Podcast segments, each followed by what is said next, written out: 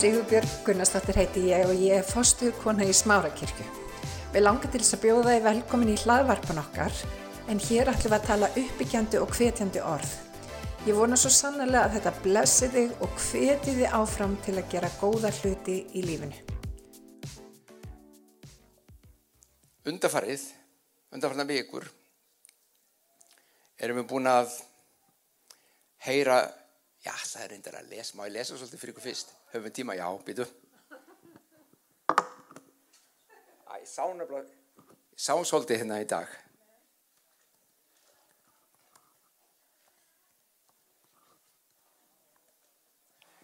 Sjá hvort ég finn það bara hérna.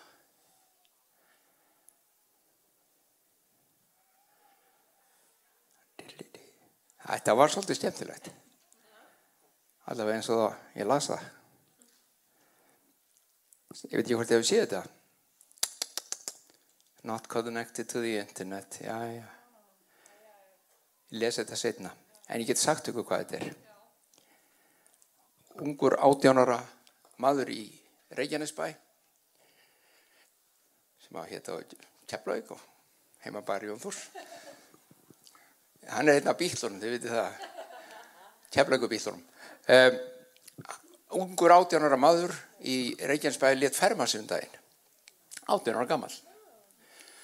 Og hann var spurður að ákveðt að láta ferma þig þú ert bara, þú ert ánur átjánara. Hvor gerur þetta ekki þú varst 13 ára? Þá leti ég ferma með borgarleiri fermingu sá hann. Vegna þess að þá trúði ég ekkert á Guð. Ég ólst upp á svona kristnu heimili en svo þegar ég fór að læra og menta mig þá komst ég að vísindin eru allt. Þau stiftu öllu máli, nú er hann að segja söguna, vísindin eru allt og ég trúði ekki neinu sem ekki var að færa rauk fyrir á vísindalega nátt. Þess vegna leti bara ferma með borgarleiri fermingu og var ekkert, Guð var ekkert inn í myndinni. Síðan uh, uh, liðu árin, og sér að það er ekki langt síðan, ég meina, hann er 18 ára, það er ekki eins og hann sé búin að lifa marga áratíði síðan þá, og þá bara, sagðan, það, það svo skrítið sagðan að ég fór að finna fyrir ákveðin tómleika þegar ég hef búin að afgriða Guða þennan átt. Ég, að, ég fann bara fyrir svona tómleika innan með mér og, og mér leiði ekkert vel með þetta. Og uh, þegar hann var búin að ná því að það þurfti ekki að það var hægt að trúa Guð þráttur í vísindi veist, þetta er líkillin hjá honum hann komst að því Guð og vísindin er ekki anstæður og þegar hann fattaði það og hann sagði opnaði fyrir Guðættur þá bara vaknaði þessi þörf og hann sagði ok, það fer ég bara leitt verið með mig núna hér, fram fyrir Guði. Svo hann ágæði, mér finnst það gott, ungu maður. Það er enn voni í landin okkar. Ha, það er enn voni í landin okkar ungi menn hegða sig svona.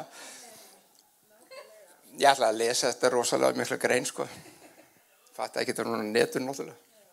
Hefur þetta búin að setja það upp. Jájá við erum búin að undarfæra að heyra mikið um vöxt og þroska og ávöxt og mikilvægi þess að lefa Guð að kalla fram ávöxtin í líf okkar. Guð er nefnilega að gera þig og mig kláran. Hann að gera kirkjuna sína klára. Við sum okkar, ekki öll sum okkar og yngri kynnslóðin sérstaklega í dag, við, erum, við komum af svona instant kynnslóð. Instant kaffi, trúið því, var mér sem einsalt á tíanbili. Ég þekki ekki marga sem drekka það ennþá, þú veist. Það er bara svo miklu betra kaffi í bóði, en sumir drekka það ennþá og sumir vilja bara það. Og uh, instant allt, instant þetta og gengur út af það að svona Já, ég, ég þóra ekki að segja á ennsku bara, en það er ákveður það, svona instant gratification, svona að fullnaði mér og mínu þörfum svona. Þú veist, og ef það er óþólum að því okkur þá bænin þessi, Guð gef mér þólum að því strax. Þú veist, en ekkert svigrum. Það Guð á allt að gera strax, þá allt að gerast 1 og 3, þá allt að gerast þannig að það er eiginlega engi tími til að vaksa eða þróskast ef þið hafi tekið eftir í að þá er lífsspanið okkar já allt kannski 70-80 ár svona meðaltali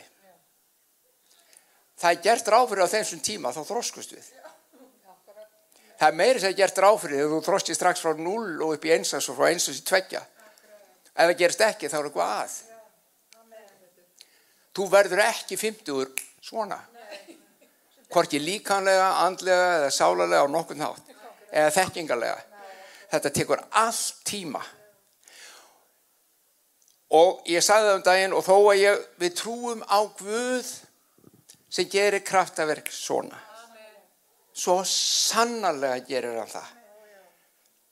Þegar hann tilur þörf á, þegar við erum í þeirri stöðu og hann þarf að við þurfum á því að halda, þá kemur hann og gerir þetta svona. Hann gerir, hann gerir kraftverk sem gerist bara á augnablikinu, eins og sumum okkar hafa upplifað. Hann gerir kraftverk sem tekur 1-2 daga, 3 daga að koma fram í líkamannu þínum eða í lífið þínu. Hann gerir það á allavega hátt, en Svona þetta venjulega er, hann vinnur og starfar og leifur okkur og vaks og þróskast og vinnur úr okkur hluti og setur í okkur hluti. Þannig að við náum þróska. Og þetta er það sem að Guð, ég trúi því að ætla að gera í þessari kirkju, ég reyndir ekkert bara í þessari kirkju, í sinni kirkju, eins og sannarlega þessum söfnið sem við erum og þá viljum við sjá þetta gerast, því að þessi því að starfið í Guðsríki, lífið í Guðsríki, lífið í Guði gengur nefnilega ekki út á þig og mig. Sorry. Við heldum það nefnilega. Hvað? Má? Áttu ekki að vera fyrir mig? Þetta er allt fyrir mig. Um leið og það er ákveðin sannleikur því, svo sem eins og þetta, Jésús dó fyrir þig. Að sjálfsögðu dó hann fyrir þig. Þá ætlum ég að gefa ykkur aðeins einn sín inn í starri hugsun heldur en þú ert. AA-vinni mínir, þið vitið að þeir ganga hvern dag og ef það er ekki trú á starri og aðri mátt þá er þeir vandraðum. Akkur þeir verða að horfa, horfa frá sjálfu sér. Staðrindin er þessi. Þið ráðu hvert er sammála ekki, þið skulle bara hugleita, þið eru ekkert að svara að segja nei, já eða neitt, bara að taka þetta heim og hugsiði. Ég trúi því að kyrkja kris sé von mannkynsins.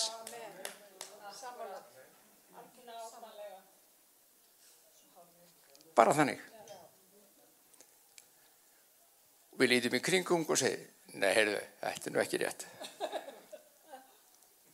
Hvernig ósku lítið bara, hvernig eigum við að vera eitthvað von fyrir mannkynni? Í eigin mætti, eigin krafti, í eigin okkur getum við það ekki. En með hans styrk, með hans hjálp og með öllu því sem hann er útelt og gefið inn í kirkjusina, þá er það framkvæmalegt. Þannig að einhver maður sagði einhvern tíman, ég heyrði þetta einhvern tíman, Guð var bara með eitt plan, það var plan A. Svo leist, leist á lærisveininans, Pétur og þessa stráka, er ekki með einhver annar plan Guð, það er ekki með vara, er ekki með bje. Veist, þessi strákar er alltaf þeir að breyta heiminum, en þeir gerðu það. Þeir breyta heiminum. Og okkar hlutverk, okkar verkefni er því að koma okkur í þá stöðu hlustið vel á að við verðum heil þannig að við getum hjálpa til að breyta heiminum. Finnst ykkur vanþörf á? Nei. Hvernig byrjar þetta ár hjá okkur bara? Þú veist, það var sérstaklega ef við tökum bara veður og sliðs og óhöf sem áttu sér stað bara fyrstu 30-40 daga ásins þá var sérstaklega frétt að þóttur um þetta því það þótti bara frétt nefnt að hvað þetta var mikið. Svo er búist við gósi og svo má ekki kissa neitt á kynina lengur og það má ekki tekja höndurum með helsastórið með fótorum og, og gott og vel ég menna við skulum við eigum að gæta þess við eigum að fara eftir, þetta eru leiðbyrringar Ég er ekki að tala um hunsa þær. Ég er bara að tala um þetta er stafan í heiminum. Batnar hún? Já, ég trúi því. Sjálfsögur trúi því. En ef við lesum í tíman að ták, þetta eru tíman að ták. Þetta er eitthvað fyrir okkur að skoða og segja, beti, hvað er í gangi? Hvað getum við gert til þess að gera okkur klár í að starfa og virka og þjóna í kirkjun okkar, í borgin okkar, í landin okkar, hvað sem við erum og gefa af okkur það sem í okkur er til annara. Og þú hugsa kannski, já, ég hef, ég hef nú ekki mikið að gefa. Ég segi, þú er helling að gefa. Helling. Stundum erum við búin að grafa talendan okkar svo djúft að hvorki við að aðrir kunna sjá á hana. En Guð gaf þér hana. Hann gaf þér hana og hann reysir hann upp og hann næri hana. Hann næri hana. Þitt og mitt hlutverk er að setja okkur í þessa stöðu eins og Stefan sagði um daginn fyrir viku síðan, vika síðan bara. Það er bara eins og síðan bara síðast árið eitthvað. Stefan sagði gjöfin er þarna. Hún er til staðar. Það sem vantar oft upp á er ávöxturinn. Það er að personuleiki okkar, lífið okkar sé þannig að Guð hefur fengið að vinna úr okkur drasli sem við erum í bakpókanum okkar dóti sem við erum að burðast með allt þetta óþarfa drast sem við heldum að væri svo mikilvægt og er búin að koma okkur í tómt hrandur og þá var ég að fá mig vatn. Eða ekki meitt hérna, jú.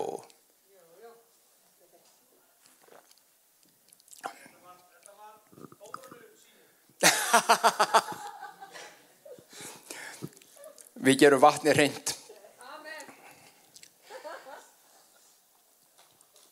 Bob talaði um það þegar hann var hérna, um dauðan skuggadalmuniði, sem er dalur um milli Jérúsalem og Jerikó, sem var niður í dalin, niður, að, niður undir dauðahafi, sem Jerikó, það sem Jerikó liggur, og þetta var svo, þetta er mikið fjöll og mikið hæðir, og fólk fór dalin til þess að þurfi ekki verið að fara upp og niður hæðirnar. Og þar voru hellar, og þar voru, þar stein, þar eru staðir sem sólinn skín aldrei í þó þetta séu sjálfríku staður og þar voru glæbumönnu, þar voru ræningar þetta er vegurinn sem að tala um að miskun saman samverðin hafi farið þegar hann fór upp yfir og var ráðist á hann. Þetta er staðreind í hennu náttúrulega og Jésús Biblian Davíð talar um þetta sem dauðans skuggadal. Þar skiljum við dótið okkur eftir. En það er samt erfiðleikarnir eins og Sippa var að segja hann. Við nefnilega komum öll að einhverju það sem stoppar okkur. Og þá spurningi hvað gerist þegar erfiðleikarnir koma? Hvernig bregðustu við? Munið eftir ég myndist að síðast því talaði aðeins um aðferð Guðs til að snýða burtu vannkantana og pyrringin og reyðina og biturleikan og alla þessar hluti sem eru sko, ef við myndum spyrja ykkur og byggja um að svara ofinbarlega hérna inni, þið myndum öll segja nefna, ég vil þetta ekki. Það vil enginn hafa þetta í lífi sínu. Það vil enginn hafa þessa vondu hluti sem sífælt meiða þig, meiða aðra eða fá að brótast í gegn. Og ég var að tala um þetta samhjálpum daginn, ég man ekki hvort ég myndist á hérna einhvern tíman líka að sko þegar Jésús lagði stormin á vatninu þá svona ávitaðan strákana fyrir að hafa ekki stoppa vindin sjálfur þið, hva, þið þurfti ekki að vekja mig. Þið gáttu gert þetta. Flest okkar eru hins vegar á þeim stað, takktu vel eftir þessu að við náum ekki einu svona að stoppa stormin í heilanum á okkur. Við náum ekki að stoppa það sem er í gangiðinu uppi. Það bara áður til að vera alveg stjórnlaust þú veist, hvað þá heldur einhverja fellibili sem eru að koma yfir hafið? En, en við þurfum að ná þeim stað að geta stilt stormin í okkar eigin huga. Stilt stormin í okkar eigin huga. Og Guð hefur gefið okkur það sem þarf til. Hann vil gefa okkur það sem þarf til. Ég er mikill áhuga maður um trúarlífs, félags og sálafræði yfir til þín. Þetta er námsti sem er alveg kent í Háskóla Íslas og ég sótti einu sinni. Þetta er ekki smá titill, hlusti. Trúarlífs, félags og sálarfræði. Hvað þýðir það eiginlega? Ok. Ég ekki að reyna að útsýra hvað nákvæmlega þýðir en ég hef mikið áhugaði en það fjalla meðan annars um trúar upplifanir um félagslega áhrif á, á trú okkar og líf okkar og, og svo þessa heila starfsemi og þessi innri starfsemi um hvernig við virkum. Og mér finnst rosalega góð líkingin þessi, og þið þekki þessa líkingur náttúrulega, að hugur okkar sé eins og tölva. Hugur okkar er eins og tölva. Og tölfur, þeir sem vinnir í því, vitið að það er hardware, þess að svona, hvað heitir hardware á íslensku? Hæ? Það er bara, já, velbúnaðurinn, vel, takkun minn, velbúnaðurinn, það var ekki flóknar en það, velbúnaðurinn og svo koma forritin eða softverið. Og um, þannig virka tölvunar og síðan þurfa ströym til þess að, að, að geta kert þetta alls saman. Og, og þegar við fæðumst, þá fæðumst við með velbúnaðin. Við fæðumst með hardverið og við fæðumst, það er sem sagt hugur okkur og heilu og allur pakkinu og hlustinu vel á. Þetta, þetta er ekki bara svona, þú veist, eitthvað svona, ok, við erum alveg eitthvað svona læknisfræði eitthvað. Þetta er mjög skemmtilegt. Svo byrjar, svo hérna fæðumst við með þetta og það er svona ákveðin gen sem við fengið sem gefur okkur ákveðin svona grunn software inn í líf okkar. En síðan þarf að downloada öllu softverunu inn á þetta hardware. Og það download byrjar strax eftir fæðingu og í uppeldinu. Og þú meðtekur í uppeldinu þínu alla þá þætti sem að gera þig að því sem þú ert í forritinu hvernig þú hugsaður varðandi náungaðinn, gildið þín, kærleikur eða hatur, biturleikið eða fyrirgefning. Allir þessi þættir eru stöðulega komin í lífið sem download af softveri inn í hardverið og þetta tekur breytingum allt til líf. Þannig sértu óanaður eða óana með softverið þitt, þá segi ég það er enn von fyrir þú getur downloadað nýju. Þú bara slekkur á henni, endur ræðsennuna eins og við segja alltaf, straujar hana og downloada bara nýju. Nei. Þá er tekið eftir því það er alltaf að fyrsta sem sérfrækindi segja. Þetta er búin að pröfa endur ræðsa. Og það er eitthvað við það að endur ræðsa og við þurfum að endur, í Kristi þá enduræsum við. Amen. og í Kristi þá ströyjum við. Og það sem ekki á að vera er tekið út og það sem á að vera er sett inn. En það er alveg eins og með allt annað softverð í lífinu það gerist ekki bara í eitt skipti fyrir öll sem byrja að gangaði með Kristi og hann heldur áfram að dánlóta sjá hvað er að fara. Þetta er alltaf þroski, vöxtur, viðbót leiður okkur alltaf einhverjum stað hvernig er siðferðið þitt og í talunum trú og guðsmynd sem þú hefur. Síðan þarf þetta orku uppsprettu alveg svo tölum á það ramagn. Orku uppsprettan okkar er fólkin í blóðstreyminu og blóðinu sem kemur með allt það sem frumunar þurfa til að halda öllu gangandi. Alla næringu, súrefnin, alla pakkan. Sko, heimingeimurinn er stórkoslugur en mannslíkamann og lífið ekkert eins og það.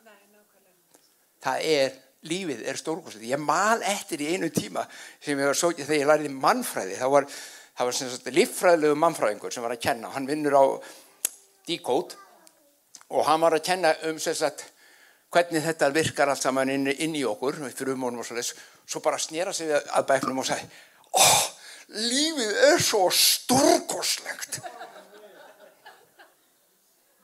Og það er það. Lífið er undur.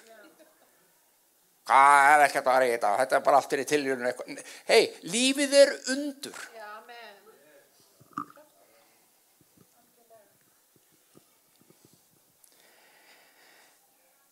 Mikla raugræður hafa nú átt sér stað og eiga sér stað stöðulega hjá sérfræðingum og, fræðimönnum um bílun í þessu kerfi okkar.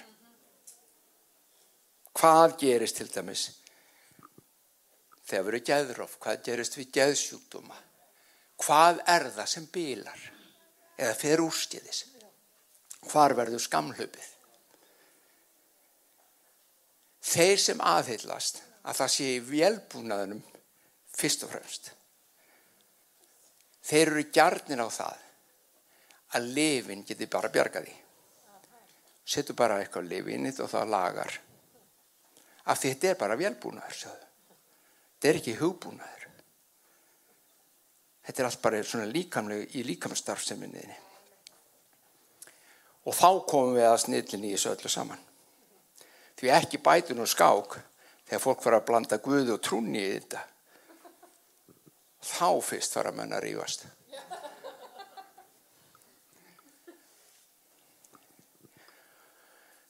Freud, hinn í maður, sagði Guð. Það er ekki Guð, Guð er bara samfélagslega taugabóð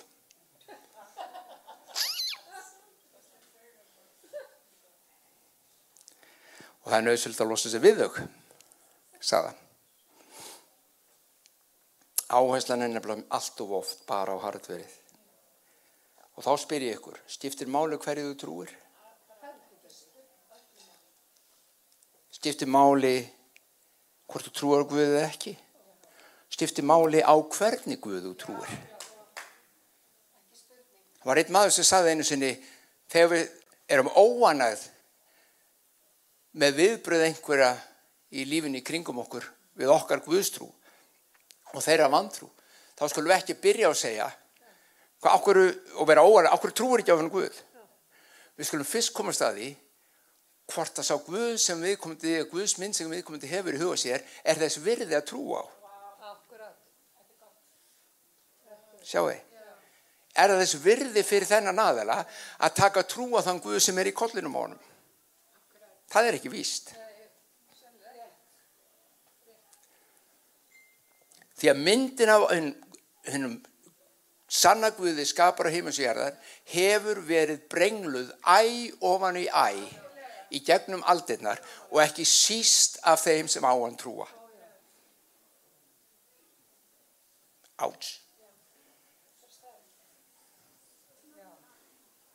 Ekki síst sem á hann trúa. Það skiptir máli og þá komum við enn einu rannsóknunum sem ég ætla að vitni.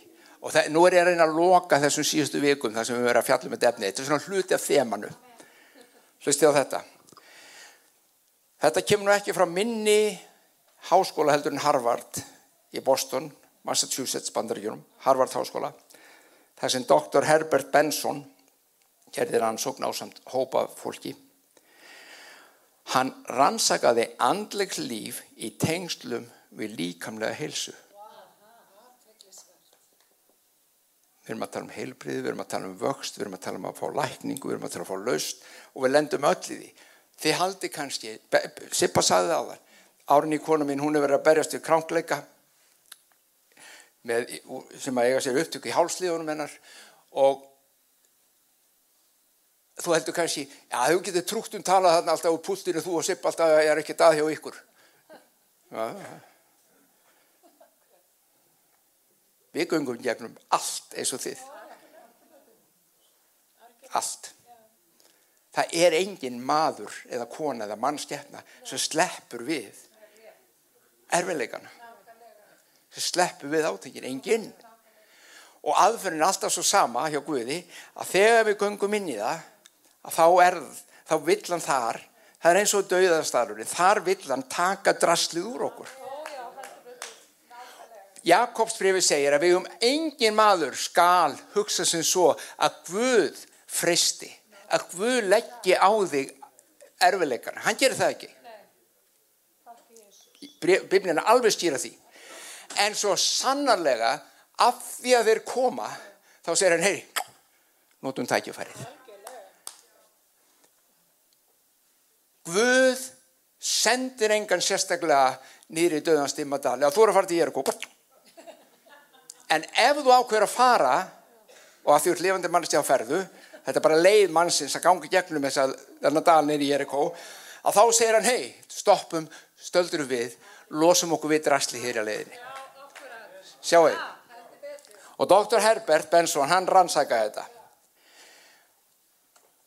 ég ætla ekki að þylja upp niðurstöður rannsónar nema bara loka niðurstöðu, hlustið á ótvírað niðurstöða þeirra rannsókna og þetta er ekki, þú veist, brefaskóli sem að rannsaka þetta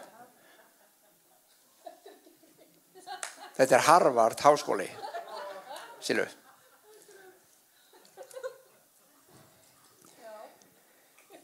á, niðurstöðan er þessi ákveðið form andlegs lífs bætir líkamlega heilsu.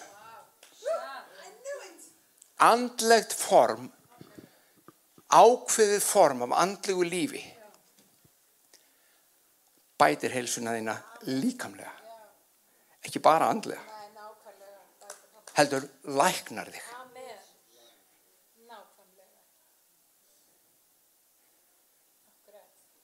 Ég, ég tek nú bara undir eins og sumur segja að ef að þetta er Freud sagði að þetta væri bara hækja. Þetta er slatti góð hækja. Það er ekki margar hækjur sem lækna þig. Ha, það stiðja við þig kannski en það lækna þig ekki en þessi gerir það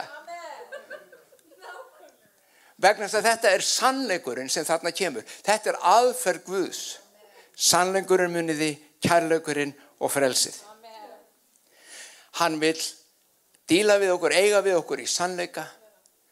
Hann á við okkur í kærleika og hann á við okkur í frelsi. Af því frelsið er dýrmætt. Ég ætla bara að segja ykkur að hér og nú fyrir þessa kirkju, þegar við erum rættið með við sippa til þessari kirkju. Eitt af því sem hefur verið rosalega algengt, ég ætla ekki að segja þér, þetta kemur í hugminn svo ég ætla að deila þessu, í mjög mörgum kirkjum í gegnum tíðina hefur verið ákveðið forma andlu og ofbeldi.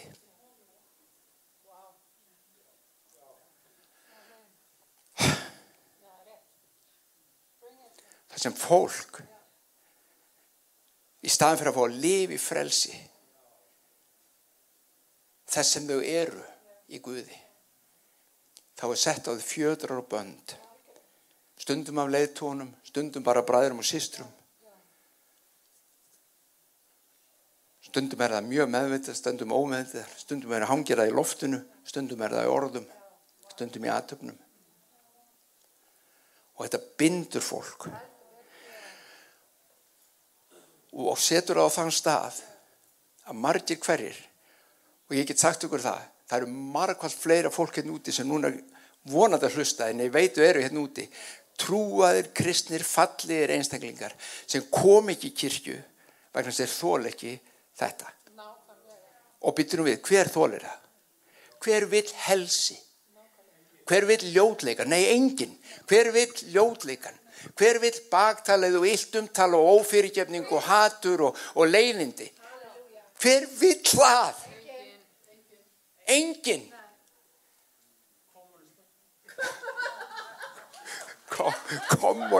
kommunist það herði ég út í sall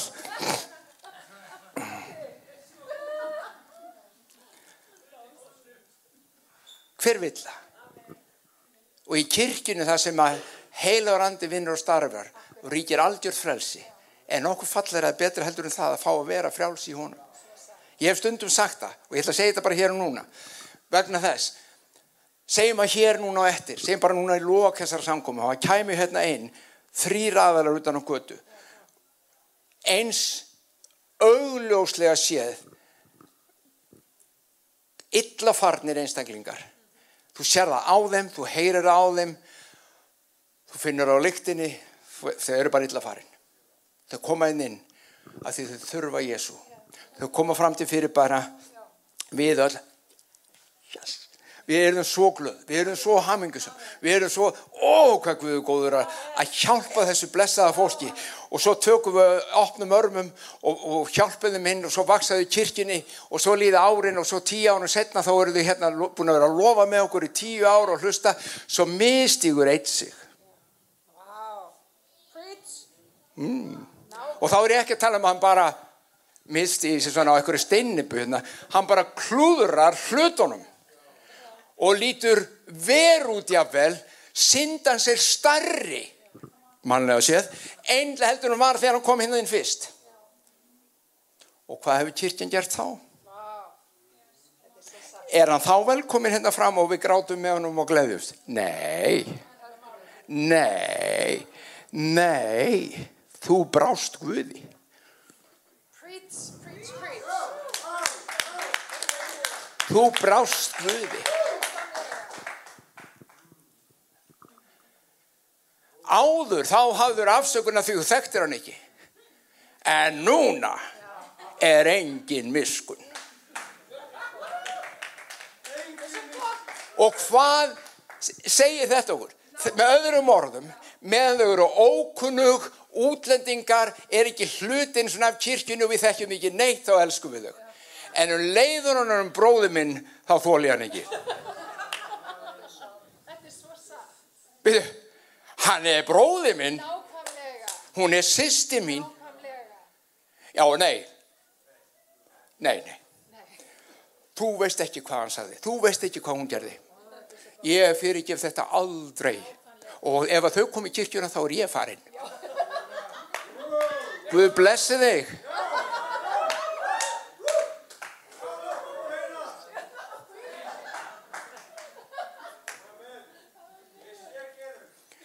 Jésús sagði, Páll sagði, Biblía segir, dæmið ekki, svo þið verðið ekki dæmt.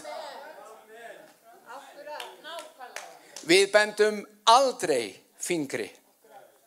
Og ef við bendum fingri í þessari kirkju, þá byrjuðu okkur um að láta okkur vita, því við viljum það ekki.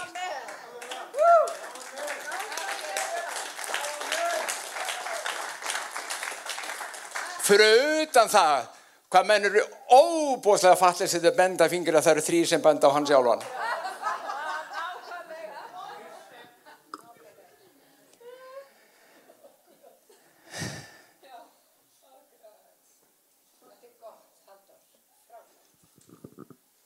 Þetta var ekki á dagskránum fyrir í haust, sko. Nei.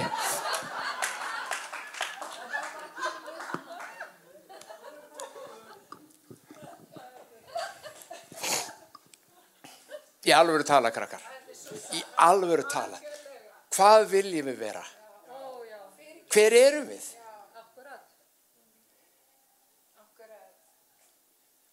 Ef að Guð er kærleikur sem hann er, takt eftir. Biblían segir ekki að hann elski bara af því hann er góður. Hann er kærleikur. Og hann gerir þig og mig að sínum börnum. Hvað erum við þá? Eigum við þá ekki að vera í kærleika? Líkist við ekki fóröldurum okkar?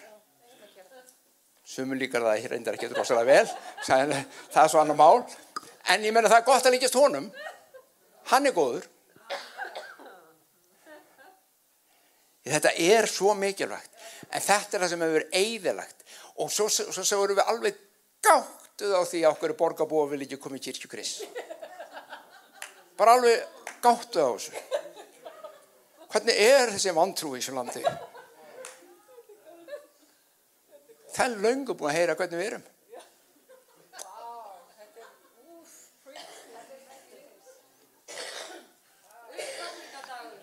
Áts! Elskið mig samt. Takk eftir, hver var lækningaleið Guðs? Fyrsta var sannleikur. Við þurfum að tala sannleikan, horfast í augu við sannleikan, hætta plata okkur, hætta að blekkja okkur, vera þess sem erum kölluð til að vera og framgangi kærleika, þá er frelsi. Mér langar að lesa, ég snaraði hérna úr biblíuþýðingu sem heitir The Passion Bible. Þetta er ekkert eitthvað möndu þýðingi, bara snara svo rétt á henni koma maður langaði að lesa á íslensku frekar en ennsku. En þetta er úr Jakobsbreyfinu, minnið að, að, að Stefan las og vitnaði í Jakobsbreyfi fyrsta kabla, hérna, 12. versum, þegar maður hérna fyrir viku.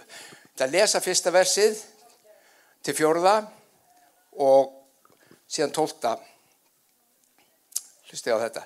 Þetta er sem sagt, Passion Bible sem er ákveðin þýðing og er svona meira um orðun og reynda að ná í andan sem eru bakvið orðin. Ekki bara hardcore þýðing heldur hvað er raunverulega verið að reyna að segja hver er andin á bakvið orðin okkar. Þú, þú veist það er þetta, ég get sagt þessu ég elska þig. Og hún heyrir orðin mín en hún finnur það ekkert. Já svo getur, getur sagt nákvæmlega saman og bætt engum við en leiftir að finna, ég meina það það er andin á bakvið hlustum á þetta kæra samferðafólk í trúni. Kæra samferðafólk í trúni. Þegar þú virðist ekki sjá neitt nema hildipi erfileika í lífinu, líktu þá á það sem einstakt tækifæri til að fá og reyna stórkoslega gleði í lífiðinu. Þetta hljóma nærði greitt í þýðingunni okkar segir að við maður glæðjast álítið að það er eindum gleðefni eða rötum ímiðskonar raunir. Og fólk spyr, betur hvernig óskopnum hvernig get ég glæðast í því? Það er leindadómur í þessu og það er nefn þessi þegar þú verist ekki sjá neitt nema hildi í berfilega lífinu líktu þá það sem tækifæri til að egna stórkoslega gleði. Því þegar trúðin er reynd þá vekur, þá vekur hún hjá þér innri kraft, kraft til að standast alla hluti í lífinu. Og þegar þolgæðið eflist jáfnvel enn meir mun það fullkomna alla þætti lífstíns uns ekkert vantar upp á og þið skortir ekki neitt. Það er þessi vöxtur sem við erum að tala um. Að ná þeim stað að Guð er allt í öllu í líf okkar. Efesus 3.20 í samhættinu frægt vers, ég ætla að lesa það úr Passion. Aldrei efast um Guðs mikla kraft sem í þér starfar og kemur öllu til leiðar. Hann mun áorka óendalega miklu meira en þú getur nokkuð tíma beðum, meir en ótrúlegasti draumur þinn og umfram þína viltustu ímyndun. Hann mun gera langt umfram allt þetta því að yfirnáttúrulegu kraftur Guðs endur nýjar því stöðulega og gefur þér orku.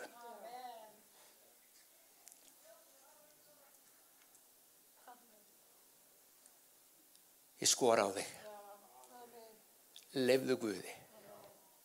Lefðu Guð að taka líf þitt. Lefðu hann að höndla þessa þætti. Láttu kærleikan streyma. Láttu fyrirgefningunum streyma losaðu við þessa þætti sem hafa fjötraðu bundið og haldið aftur að þér breytir engu hvort að stórt eða lítið mannlega séð láttu það fara, leifuðu Guð að koma þú ert að ganga ekki um erfiðleikana litla, stóra, djúpa, grunna breytir engu notaðu tækifærið, segju Guð vinn þú í mér ávöxtinn svo gleði mín í þér með ég vera fullkominn Skulum byggja. Fæði minn við þökkum þér. Þökkum við dróttum fyrir orðið þitt, þökkum fyrir lífið þitt, þökkum fyrir að sannleikunni þínu orði er kröftur og máttur en nokkuð annað. Ó við blessum þig Jésús. Þú ert svo góður, þú ert bara góður. Í þér er engin skuggi, engin skuggi. Ó dróttin. Drótti ég byrð fyrir bræðurum mínum og sýsturum sem hérna eru núna þeir sem er að heyra og hlusta heima eða hvar sem þið eru ég byrð um að orð þitt mætti fara djúft inn í líf okkar verkaður og vinna það verk og snú ekki tilbaka fyrir að við fullkomna það verk sem þú ætlar því Dróttin það breytir engu hvort við náum öllu sem við rættum um í dag eða bara einu atriði. Láttu það vaksa, dapna og bera ávokst við byrðum í Jésu nafni. Dróttin minn þú er kærleikur. Laugmál lífsins er kærleikur. Við viljum lifa, starfa og tengja okkur í þann kærleika. Því þar er krafturinn, þar er lífið, þar flæðir náðinn, þar flæðir miskuninn, þar flæðir lækninginn, þar flæðir frelsiðitt, þar flæðir krafturinn og máttur til að breyta okkar lífi, landin okkar dróttuminn og heiminum öllum. ef það væri eitthvað minn en þetta þá hefur þú ekki fullkona verkið en þú fullkunnaðir. Þú fullkomnaðir verkið. Bless ég